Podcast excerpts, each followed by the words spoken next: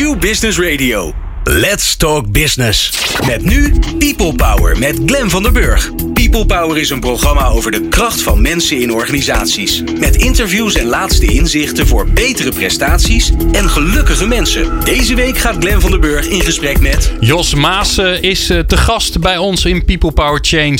Om mee te kunnen in de razendsnelle veranderingen... moeten de meeste organisaties hun manier van werken voortdurend aanpassen. Maar ja, hoe verander je mensen? Dat is misschien wel de grootste vraag waar organisaties mee zitten.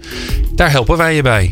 Ik en Jeroen Buescher. Wij gaan samen in gesprek met zogenaamde change agents. Mensen die de veranderingen aanvoeren. Die bezig zijn om organisaties van A naar B te krijgen. En waar we steeds vaker achter komen is dat ze eigenlijk niet weten waar B is. Dat niemand dat weet. Maar dat, we wel zeggen, dat ze wel zeggen: ga mee op reis. Daar is het mooier, beter. Nog meer potentie. Nog meer prachtigs om te vinden.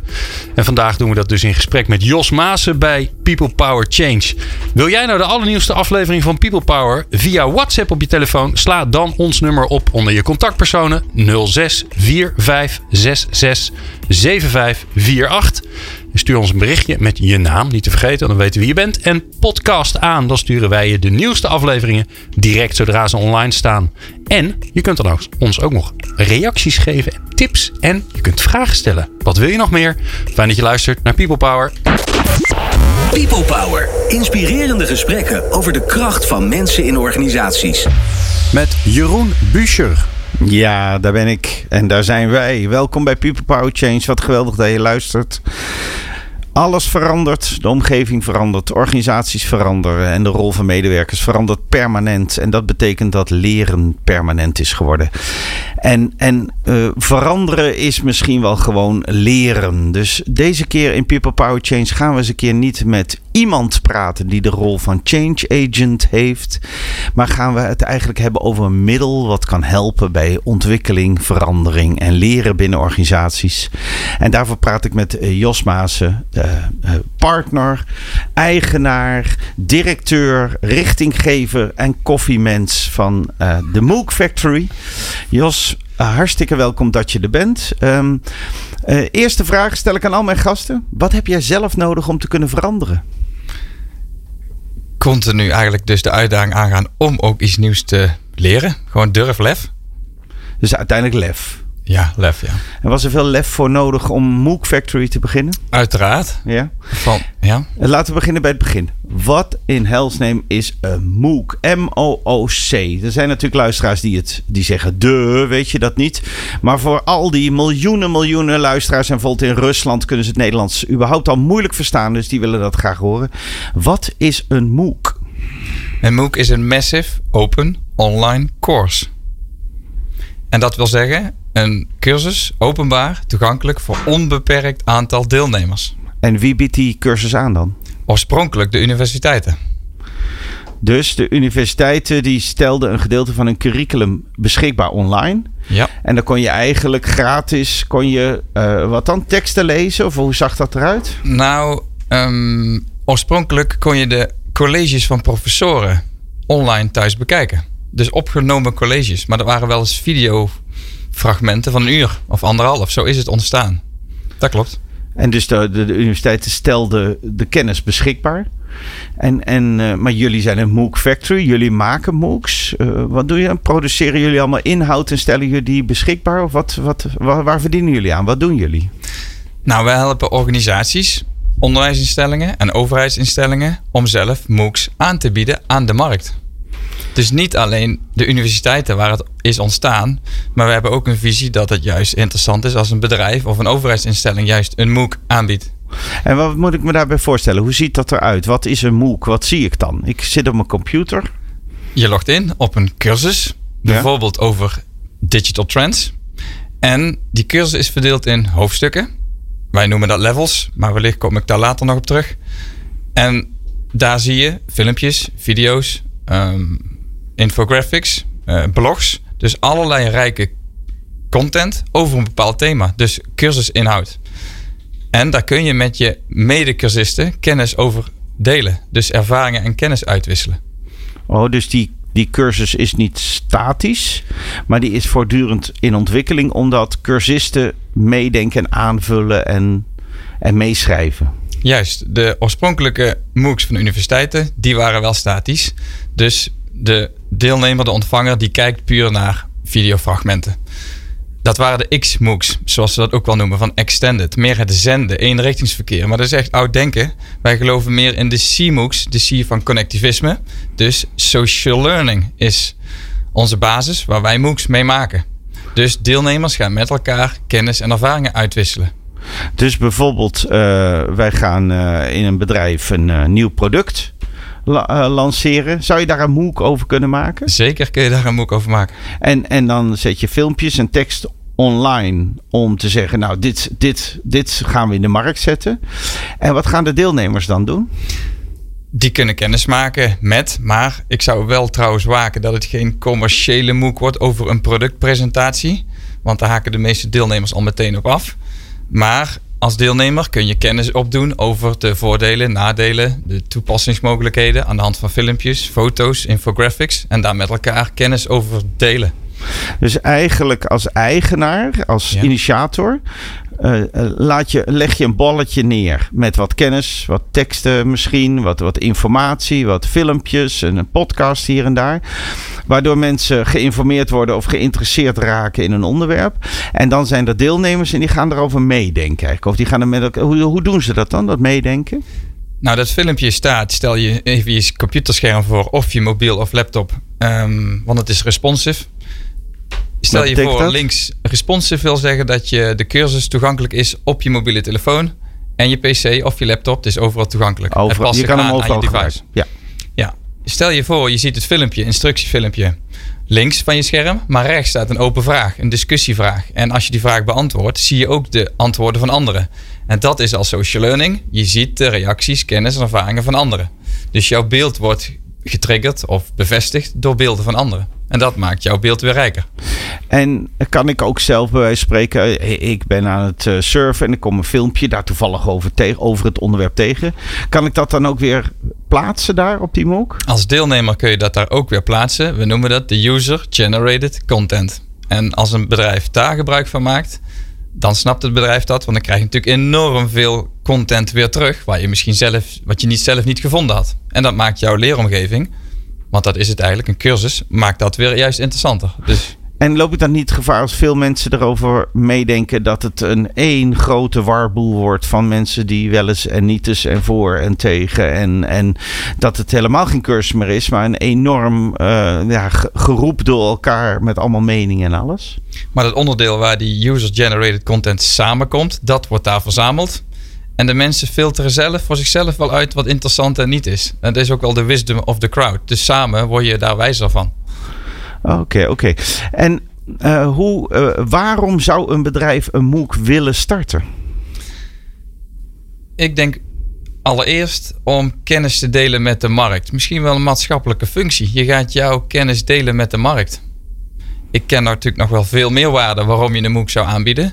Bijvoorbeeld promotie, marketing, dus naamsbekendheid, thought leadership uitstralen. Oké, dus je, het is een manier om naar de markt te laten zien dat je ergens veel verstand van hebt. Juist. Ja. En intern? Want ik weet dat ze ook intern veel gebruikt worden. Intern, dan spreken we van een SPOC. Dat is een Small Private Online Course. Dus de doelgroep is besloten. Dat is helemaal interessant, want dan daag je je medewerkers uit om met elkaar kennis en ervaringen uit te wisselen. Het is uiteindelijk een marktplaats waar je met elkaar leert. Juist. Oké, oké. En um, jullie, jullie zijn een bedrijf begonnen daarin, dus jullie bieden dat aan. Wat bied je dan precies voor mij aan? Uh, ontwikkel je ook de content dan voor ons? Samen met François Walgering uh, ben ik inderdaad eigenaar van MOOC Factory. Wij houden ons niet met de inhoud bezig, want dat doet de klant. Wij bieden een platform aan, een MOOC-platform, gebaseerd op social learning. Dus is ook een C-MOOC-platform, wat ik zojuist al zei op basis van connectivisme. Maar we leiden de klant op zodat ze zelf die MOOC gaan maken. Ja, uiteindelijk technisch kunnen ze hem dan opstarten, maar de inhoud moet ze zelf bepalen. Dus de inhoud moeten ze zelf cureren, zoals we dat noemen.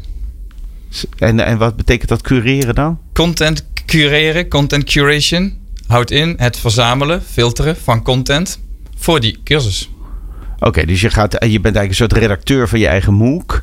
En je kijkt naar wat staat erop, wat heeft het nodig, uh, wat klopt niet. Dat haal je er weer af. En zo, zo, zo doe je de redactie van je eigen MOOC. Klopt. Mooi. Ja, waar ik straks wel benieuwd naar ben, uh, Jeroen, is, uh, en Jos natuurlijk, want Jos die moet het gaan vertellen. Wat hij er nou zelf zo mooi aan vindt. Want je begint natuurlijk niet voor niks zo'n bedrijf. Daar ja, want hij staat te glunderen in de, daarom, in de hè, Daar zit altijd passie en energie en lol ja, en zo zit erin. Dus uh, daar ben ik wel benieuwd naar. Als, tenminste, als jij het met me eens bent natuurlijk, Jeroen. Want we, we zijn enorm sociaal zijn we radio aan het maken. Maar ik denk dat, dat, dat ik er wel voor kies om er nu Fleetwood Mac eerst in te Denk je dat? Ja, nee, dat Oeh, lijkt mij nu een goed moment. Ik ben zo benieuwd.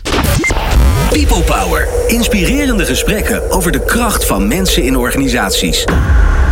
Welkom bij People Power Change. Mijn naam is Jeroen Buscher en we hebben vandaag als gast Jos Maassen. Bij People Power Change kijken wij naar katalysatoren op veranderingen. Doorgaans zijn het mensen, maar deze keer is het een ding. En zelfs dat niet eens. Het is een digitaal platform.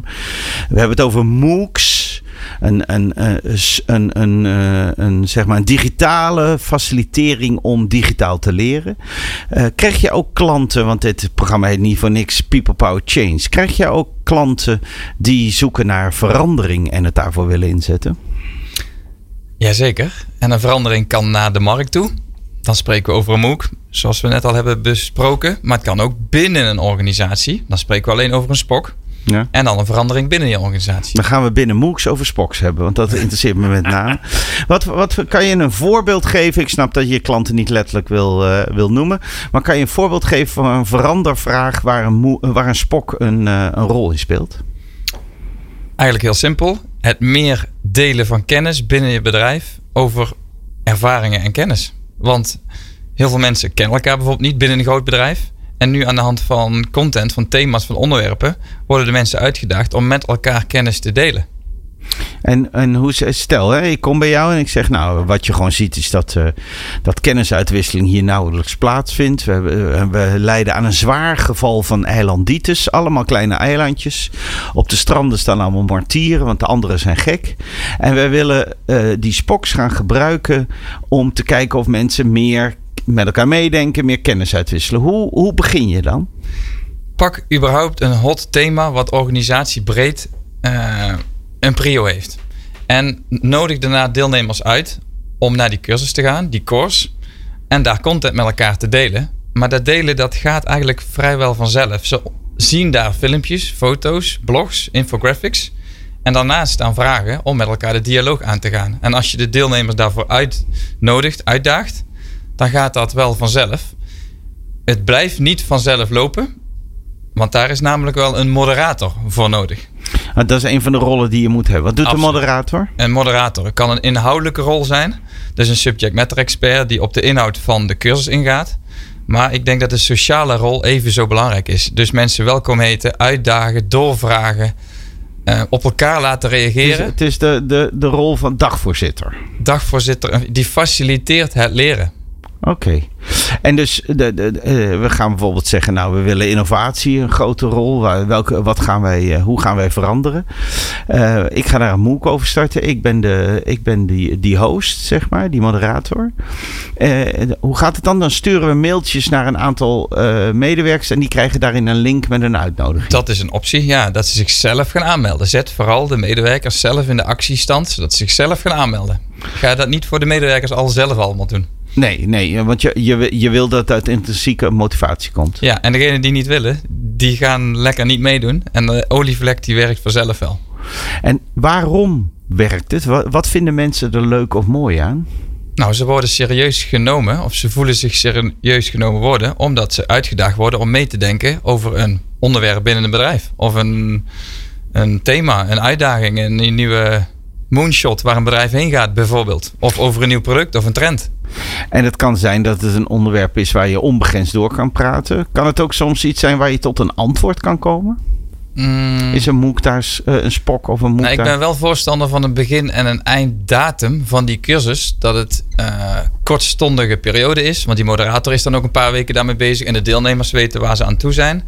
Maar het zijn, het zijn ook geen goed of fout antwoorden. Het is puur kennis en ervaringen delen. En je, en je treft elkaar eigenlijk eh, rond een gemeenschappelijke interesse. En uh, het, als ik het me voorstel, dan lijkt het alsof je via op een digitale manier een gemeenschap binnen een organisatie bouwt. Het is in feite een interne community die je opbouwt, faciliteert, uitbreidt. En een mooi neveneffect bij een organisatie was dat mensen elkaar in pauzes meer gingen opzoeken. Dus die kenden elkaar voorheen niet. Maar door die spok leerden ze elkaar kennen. En ze hadden met dezelfde problematieken te maken. En die zochten elkaar meer op in de pauzes. Dus dat was al bereikt. Oh ja, dus je, je, je kan zo'n zo'n spok kan er uiteindelijk toe dienen dat je sociale lijntjes gaat lopen. Waardoor die, dat eilanditis bijvoorbeeld geholpen wordt om te overkomen. Omdat er steeds meer bruggen, persoonlijke relaties ontstaan rond interessegebieden. Ja, en nog een andere mooie toegevoegde waarde is dat je eigenlijk doet aan expertspotting binnen je bedrijf. Want iemand die heel actief is in die spok. Dus die geeft veel antwoorden, helpt anderen, geeft veel feedback dat kun je zien dat iemand er heel erg betrokken bij is, engaged. Dus je doet eigenlijk ook aan een stukje expert spotting of interne recruitment. Oké, dan ga ik nu, aan, nu je het woord stukje hebt gebruikt, ga ik een stukje ja maar denken doen. Hè?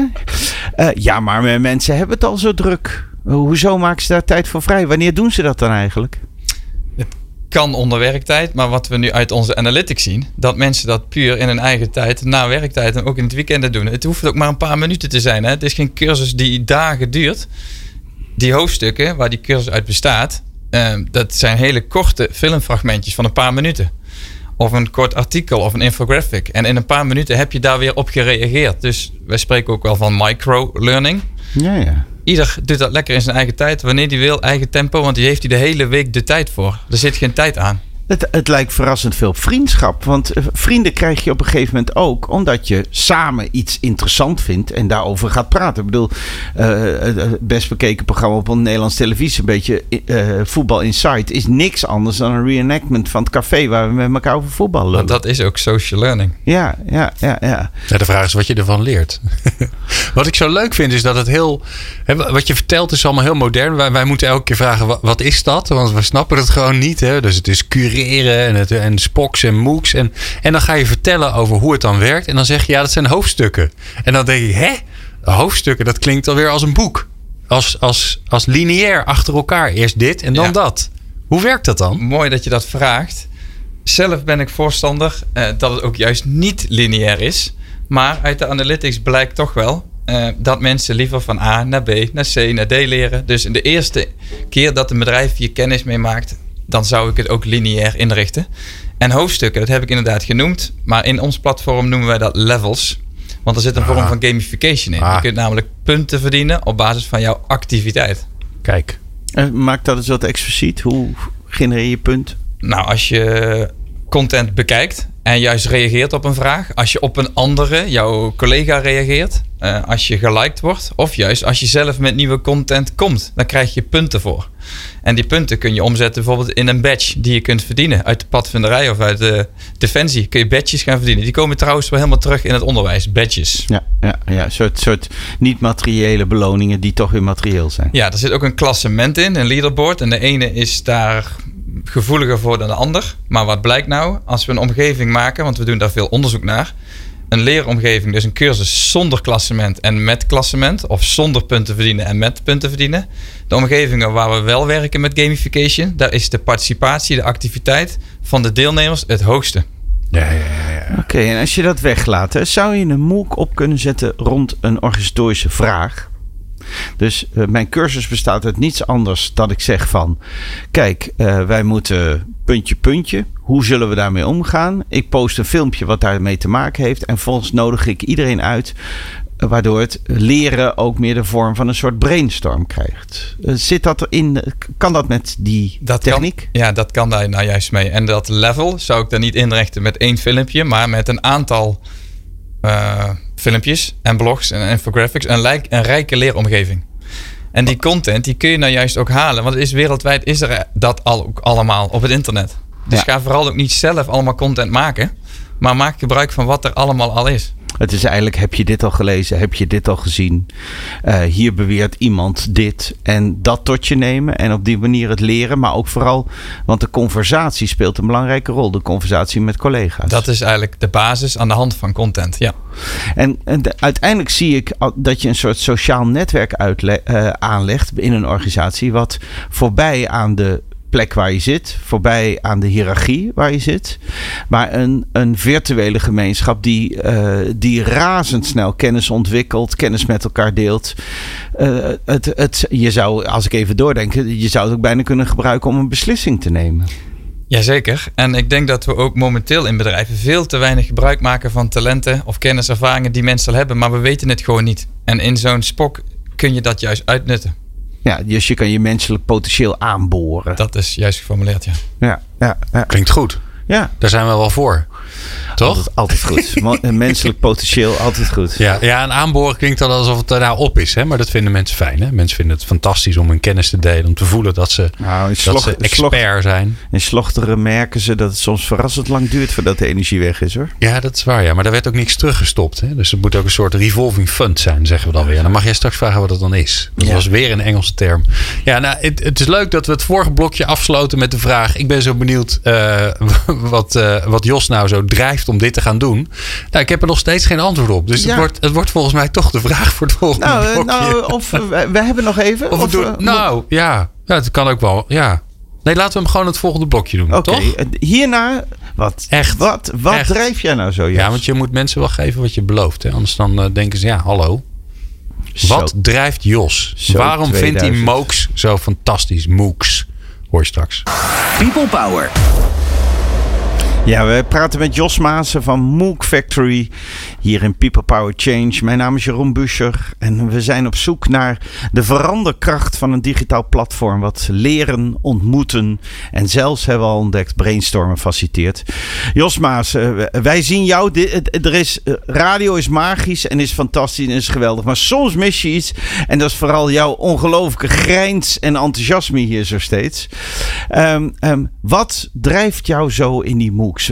volgens mij zie jij daar een enorme potentie. Wat is die potentie? Kort samengevat, eigenlijk expertises delen met mensen met verschillende achtergronden. Wij zien daar nog steeds de kracht niet goed genoeg van in.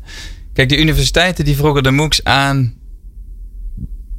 geboden hebben en nu nog steeds doen trouwens, want maar liefst 70 miljoen mensen volgen trouwens nu MOOCs. Um, dat is naar mijn idee nog steeds eenrichtingsverkeer. Maar als je nu als een bedrijf, dus een organisatie, een MOOC aanbiedt aan de markt en iedereen mag deelnemen. Dat kunnen jouw klanten zijn, maar ook misschien wel potentiële klanten. En iedereen met een andere achtergrond. En als je al die kennis en ervaringen nou eens met elkaar zou delen, dan ben je dus met kenniscreatie bezig. Het, het, het, het, het, klinkt bijna religieus, wist je dat? Ja, het is, het is een manier om mensen met elkaar hun energie, hun gedachten, hun, hun, hun vondsten en hun kennis aan elkaar te knopen. En een groter iets te worden dan wij afzonderlijk van elkaar zijn. Ja, ik noem het ook wel eens gluren bij de buren. Maar ik heb het idee dat we binnen branches veel te veel ja, binnen die branches met elkaar kennis delen. Maar waarom zou je dat niet brancheoverstijgend doen? Dus uiteindelijk de mensheid die kennis met de mensheid deelt. Zoals Wikipedia uiteindelijk een naslagwerk is geworden, wat een optelsom is van alle menselijke kennis. Mhm. Is, zou MOOC dan studeren zijn, waarbij we elkaar allemaal helpen met studeren. Los van waar we zijn of wie we zijn. En vooral elkaar helpen. Ja, ja. ja. Volgens mij zijn we er nog niet. Ik vind hem nog, ik vind hem nog te. Hij komt nog te veel uit je hoofd. Wat, wat want dit is, dit is, je, dit is wat je, de kans die je ziet. Wat frustreert je? Want het gebeurt niet. Dus het is ook, er zit ook iets van. Kom op, jongens. Ja, wat me frustreert is dat iedereen de kennis bij zich wil houden. Die bedrijven willen kennis bij zich houden. Ga het gewoon delen. En het is er al. Het is al in de, in de buitenwereld. Onze jeugd, de nieuwe de millennials, die delen al allemaal kennis over heel, over heel internet. Onze zonen doen niet anders. Die gaan al gamen met jongens uit India en die zitten via microfoon met elkaar in het Engels allemaal kennis en ervaringen uit te wisselen. Maar bedrijven, hou alsjeblieft die kennis niet vast. En stel je voor dat het lukt, hè? Walhalla is er. Iedereen is klant bij jullie. Laten we, hè? we willen natuurlijk dat jij vooral heel erg gelukkig en rijk ervan moet worden. Maar wat is er dan veranderd? Wat, wat lost het op? Creatieve ideeën, eh, nieuwe producten, nieuwe diensten. Um, überhaupt um, efficiënter werken wellicht. Omdat een ander jou tips geeft hoe hij of zij iets oppakt. Misschien een nieuwe connectie waar je weer een gesprek mee aangaat. En, en, en zou je het als een toekomstige vorm van onderwijs kunnen zien? En waarbij je zegt van we hebben een universiteit, maar het is een virtuele. Hm? Een HBO, maar het is een virtuele. Hm? Ik denk dat dat nu al is. En de universiteiten en HBO-instellingen die dat nog niet hebben, die gaan de strijd verliezen. Omdat dat online en offline even belangrijk is. Absoluut. Dan wil ik het over online hebben. Ehm, uiteindelijk zijn wij mensen en willen wij niet alleen maar voor een scherm zitten. We willen ook mensen ontmoeten. Kan een MOOC ook helpen om de interactie tussen mensen fysiek in, in het elkaar, met elkaar praten, met elkaar brainstormen, met elkaar dingen bedenken, elkaar ontmoeten, te faciliteren? Wij spreken van blended learning. En eigenlijk is dat de combinatie ook tussen online en offline. Dus wat we vaak zien is dat een groot eh, IT-dienstverlener in Nederland heeft onlangs een MOOC aangeboden over digital trends. Maar er is een event aangekoppeld, een paar weken na afloop. En wat bleek, 10 tot 15 procent van alle deelnemers uit die MOOC waren aanwezig op het event bij die IT-dienstverlener. Ze willen elkaar ontmoeten, we hadden grote naambordjes gemaakt en ze gingen elkaar herkennen. Ze gingen ook op die manier, werd het proces van online cursus voortgezet offline. Het was gewoon één op één. Dus in die zin, als je dit zou inzetten voor een verandering binnen een organisatie, dan kan je heel veel gesprek, heel veel ideevorming, heel veel kennisdeling online laten gebeuren. En daarnaast elkaar kunnen ontmoeten om elkaar te motiveren, te enthousiasmeren, te inspireren. Ik adviseer het eigenlijk, ja, ten eerste om die combi te maken. Absoluut. En vanuit uit MOOC denken, waarom vind je het zo belangrijk? Nou, um, mensen willen elkaar gewoon vaak graag ook in de ogen kijken. En ehm, elkaar ontmoeten, de gezichtsuitdrukking zien. Ja, dat kan niet. Je kunt smileys en emoticons aangeven in een MOOC of een spok. Maar mensen willen elkaar gewoon even de hand schudden. En het, en het verstevigt de gemeenschap, de leergemeenschap. Ja, absoluut. Ja. Ja. Krijgen jullie al verandervragen? Want nu is het natuurlijk kennis naar de markt delen, kennis onderling delen.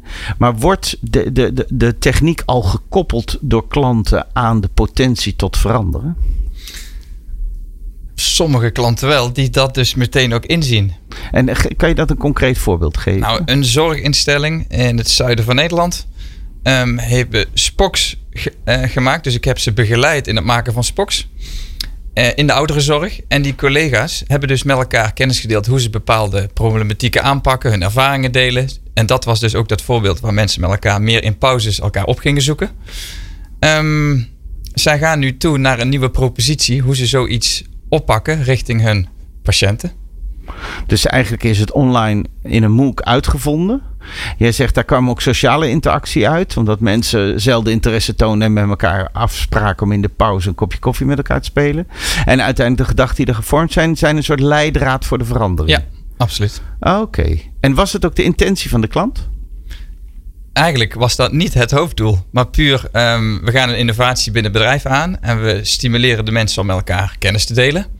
Maar dat die mensen elkaar in pauzes veel meer opzochten, et cetera. En dat tot een nieuwe propositie zouden komen, was eigenlijk niet het hoofddoel.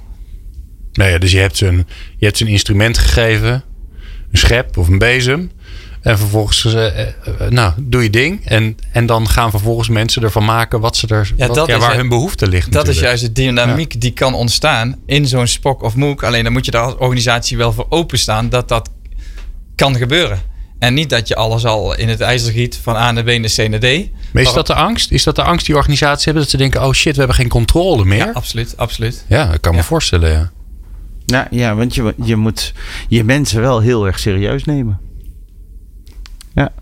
Ehm, ja als je... Um, als, wil je succesvol zijn? Wij zijn een organisatie, willen MOOC inzetten. En wat zijn volgens jou de belangrijkste succesfactoren? Wat moet je altijd doen op het moment dat je met MOOCs wil gaan werken? Verzamel mensen. En het is misschien een open deur, maar ik begeleid een club van vier, vijf mensen binnen een bedrijf. Eh, allemaal van verschillende achtergrond trouwens. Dat kan een onderwijskundige zijn. Dat kan dus iemand van HR zijn. Iemand van marketing. Iemand van de inhoud. Maar die samen de innovatie, het experiment aan willen gaan. Dus puur durf en lef om dit op te zetten. En het gewoon te doen. En niet allerlei beren op de weg zien van onze mensen zullen dat toch wel niet en dit en dat.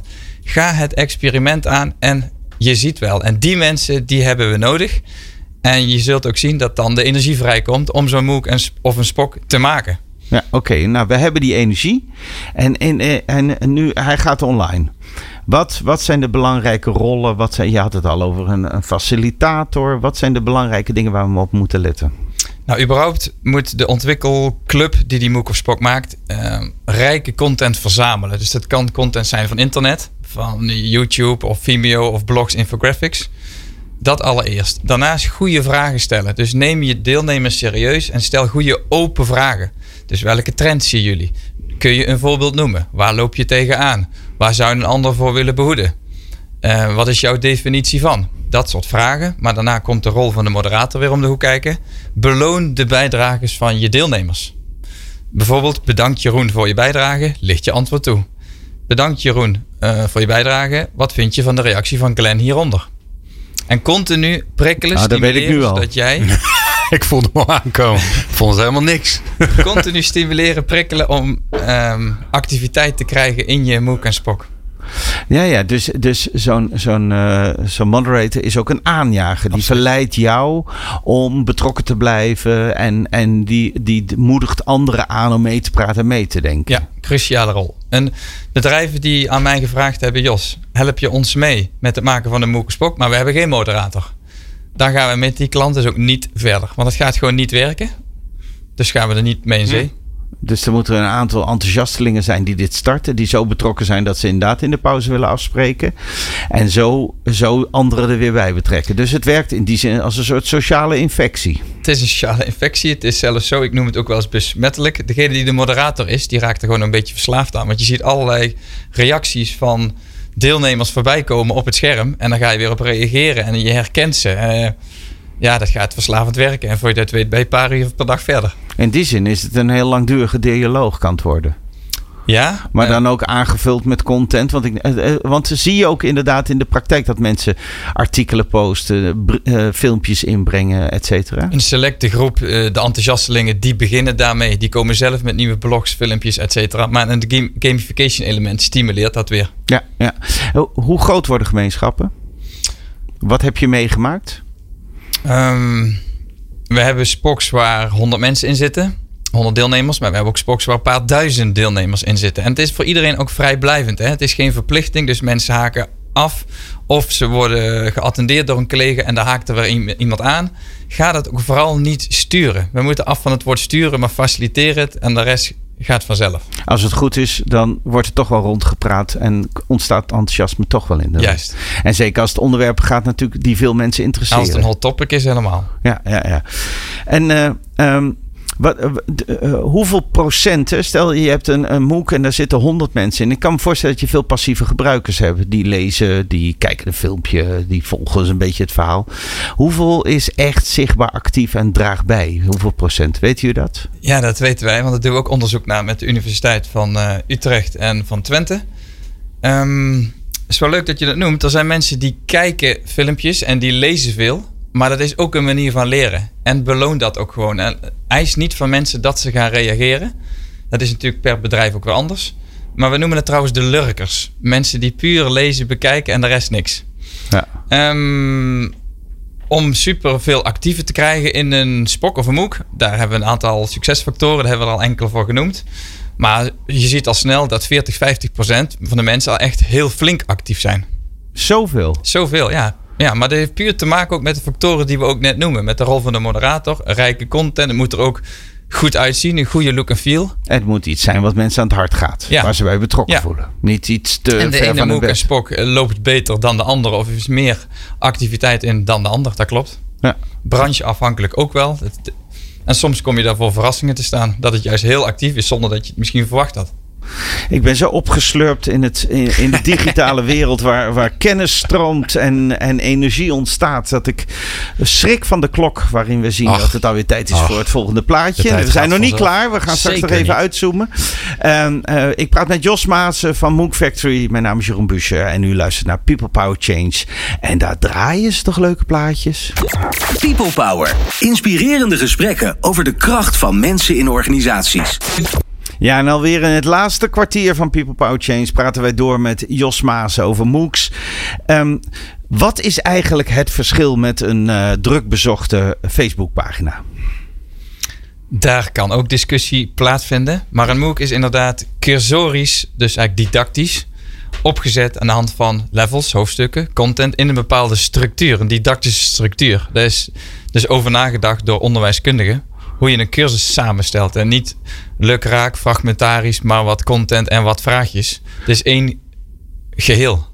Dus je zorgt er eigenlijk voor dat alle informatie, alle meningen, alle vragen die gesteld worden, een, eh, een kader geven, een gesprekskader geven, een gedachtekader.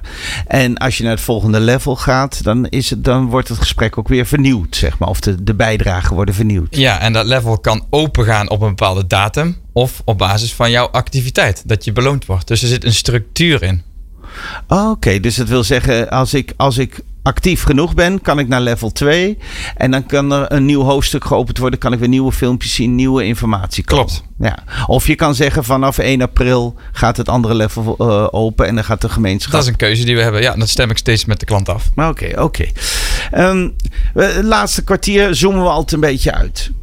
Um, laat ik eerst eens beginnen. Hoe ziet voor jou de universiteit erover 50 jaar, nou, is wel heel ver, hè? 25 jaar. Hoe ziet de universiteit eruit? De meest klassieke kennisorganisatie denkbaar. Hoe ziet die eruit? Hoe gaat die digitale wereld die kennis veranderen? Ik denk veel meer gepersonaliseerd. Dus een student um, heeft eigen leerdoelen. Die leerdoelen gaat hij behalen door misschien wel een cursus te volgen, of stages te lopen, of een filmpje, of een cursus online of naar een college te gaan, want dat zal heus nog wel bestaan. Maar ik denk dat er veel meer een mix komt van hoe je tot die content komt. En die student die gaat veel meer thuis al op zoek naar informatie, wat er allemaal al lang is op het internet. Dus die gaat zelf content verzamelen, cureren. Dus studeren wordt dan ook research. Research, connecten met andere mensen uit andere werelddelen, met andere achtergronden. En gaan MOOCs daar een steeds grotere rol in spelen? Ik denk het wel.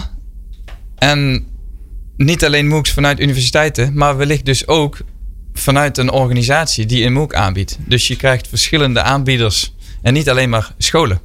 Dus je zou kunnen, kunnen leven in een wereld waarin je niet specialiseert, zonder dat je specifiek aan een opleiding uh, studeert, maar waar, uh, waar je studeert doordat je uh, informatie verzamelt en bestudeert. Er zijn studenten die hebben al 40, 50 MOOCs over verschillende onderwerpen allemaal gevolgd. En dat stapelen zij tot hun opleiding. En dat is, dat is uiteindelijk de professionaliteit die je dan ontmoet. Of in ieder geval je kennis van je professionaliteit. Ja. Oké, okay, um, ehm, zie jij. Um, uh, wordt, wordt, uh, gaat een MOOC er ook van maken? Gaat hij werkelijk die muren binnen en buiten organisaties uh, slechten? En gaat hij er echt voor zorgen dat leren inderdaad iets wordt wat mijn dochter binnenkort doet met kennis die over de hele wereld verspreid is? Ja, die MOOC op zich, die doet dat niet. Ik denk dat de docenten, ontwikkelaars binnen die scholen en onderwijsinstituten, dat die vooral anders moeten gaan denken. Um, hoe je kennis ontsluit naar buiten toe. En wat is dat andere denken? Meer open, kennis is er al en verbindt puur de mensen met elkaar die met elkaar kennis uit gaan wisselen. En denk vooral niet dat de professor alle, alle kennis in pacht heeft en de rest niet. Samen heb je die kennis en connect dat met elkaar en faciliteer dat. Dus MOOC is niet het verzamelen, het uitwisselen van kennis, maar ook het genereren van Ook kennis. het genereren. Ja. Um, en dan even naar organisaties. Welke rol zie jij in de toekomst dat MOOCs gaan hebben binnen organisaties? Nog meer eigenlijk social learning. Dus kennisdeling door uh, medewerkers. Maar daar wil ik er meteen aan toevoegen. Waarom zou je dat niet ook meteen naar buiten toe openzetten? Dat de markt samen met medewerkers kennis deelt. Uh, we spreken ook wel eens van triple helix. Dat wil zeggen onderwijs, overheid en bedrijfsleven. Die bijvoorbeeld samen een MOOC of een spok maken.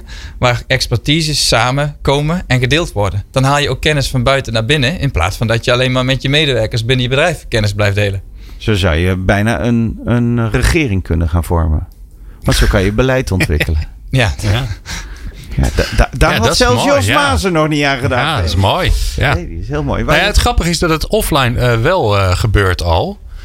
Want uh, er wordt best wel veel aan, aan interactieve beleidsvorming gedaan bij gemeentes en andere organisaties. Maar niet, maar ja, en dan gebruiken ze ook wel tooltjes hè, om dat te verzamelen.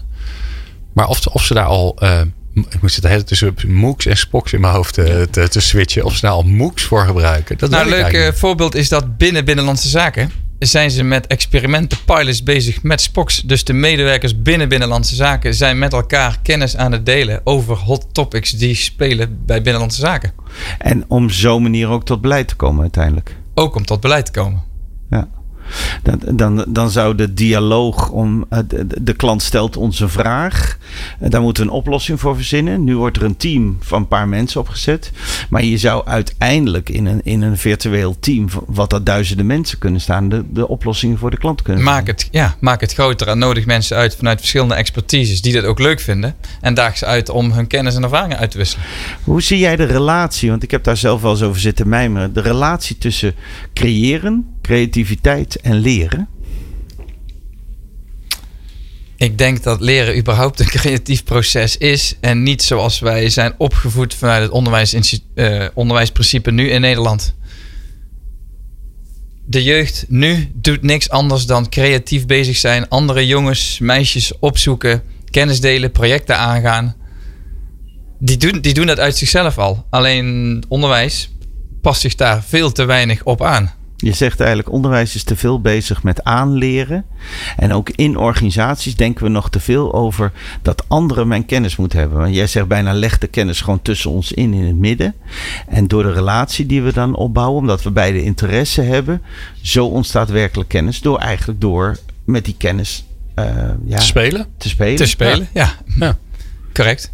Mooi. En dat, dat, dat betekent dat organisatieontwikkeling uiteindelijk echt een lerende organisatie in de meest tastbare zin op zo'n manier wordt.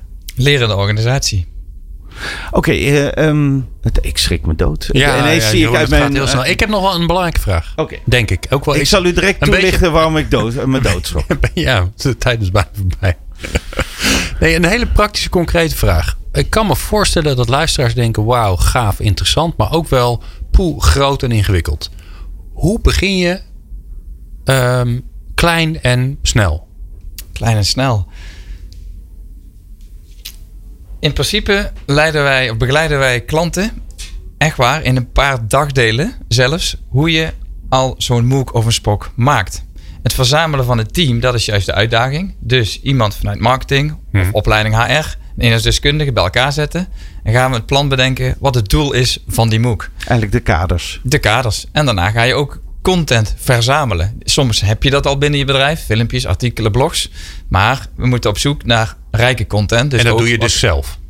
De klant doet dat zelf. De klant ja. doet dat zelf, ja. En Ja. ik denk wel didactisch mee. Ik heb een onderwijskundige achtergrond. Dus die rol kan ik ook opnemen. Hey, nou even, de, even de, de, de simpele, meest concrete, ordinaire hamvraag. Ik wil een MOOC. Wat kost dat? Costa. Of is dat ik wil een auto? Wat kost dat? Nee, nee. Dat is eigenlijk heel simpel. Nou, kom op. Ehm, wij berekenen eigenlijk consultancyuren. Ja. En laat dat dus zijn als voorbeeld bijvoorbeeld 50 uur. Ja. is gemiddeld. En daarnaast betaal je een abonnement hosting dat een MOOC in de lucht hangt. En bijvoorbeeld voor 100 mensen Ja. betaal je bijvoorbeeld in drie maanden tijd 900 euro. Of voor 500 mensen, drie maanden tijd, 1900 euro. Dus wil je een experiment met een MOOC aan namens een bedrijf, ben je voor 6.000, 7.000 euro, ben je, ben je al Ben je zover. En ik ben daarna helemaal niet meer nodig, want je kunt zelf MOOCs en Spoks bouwen.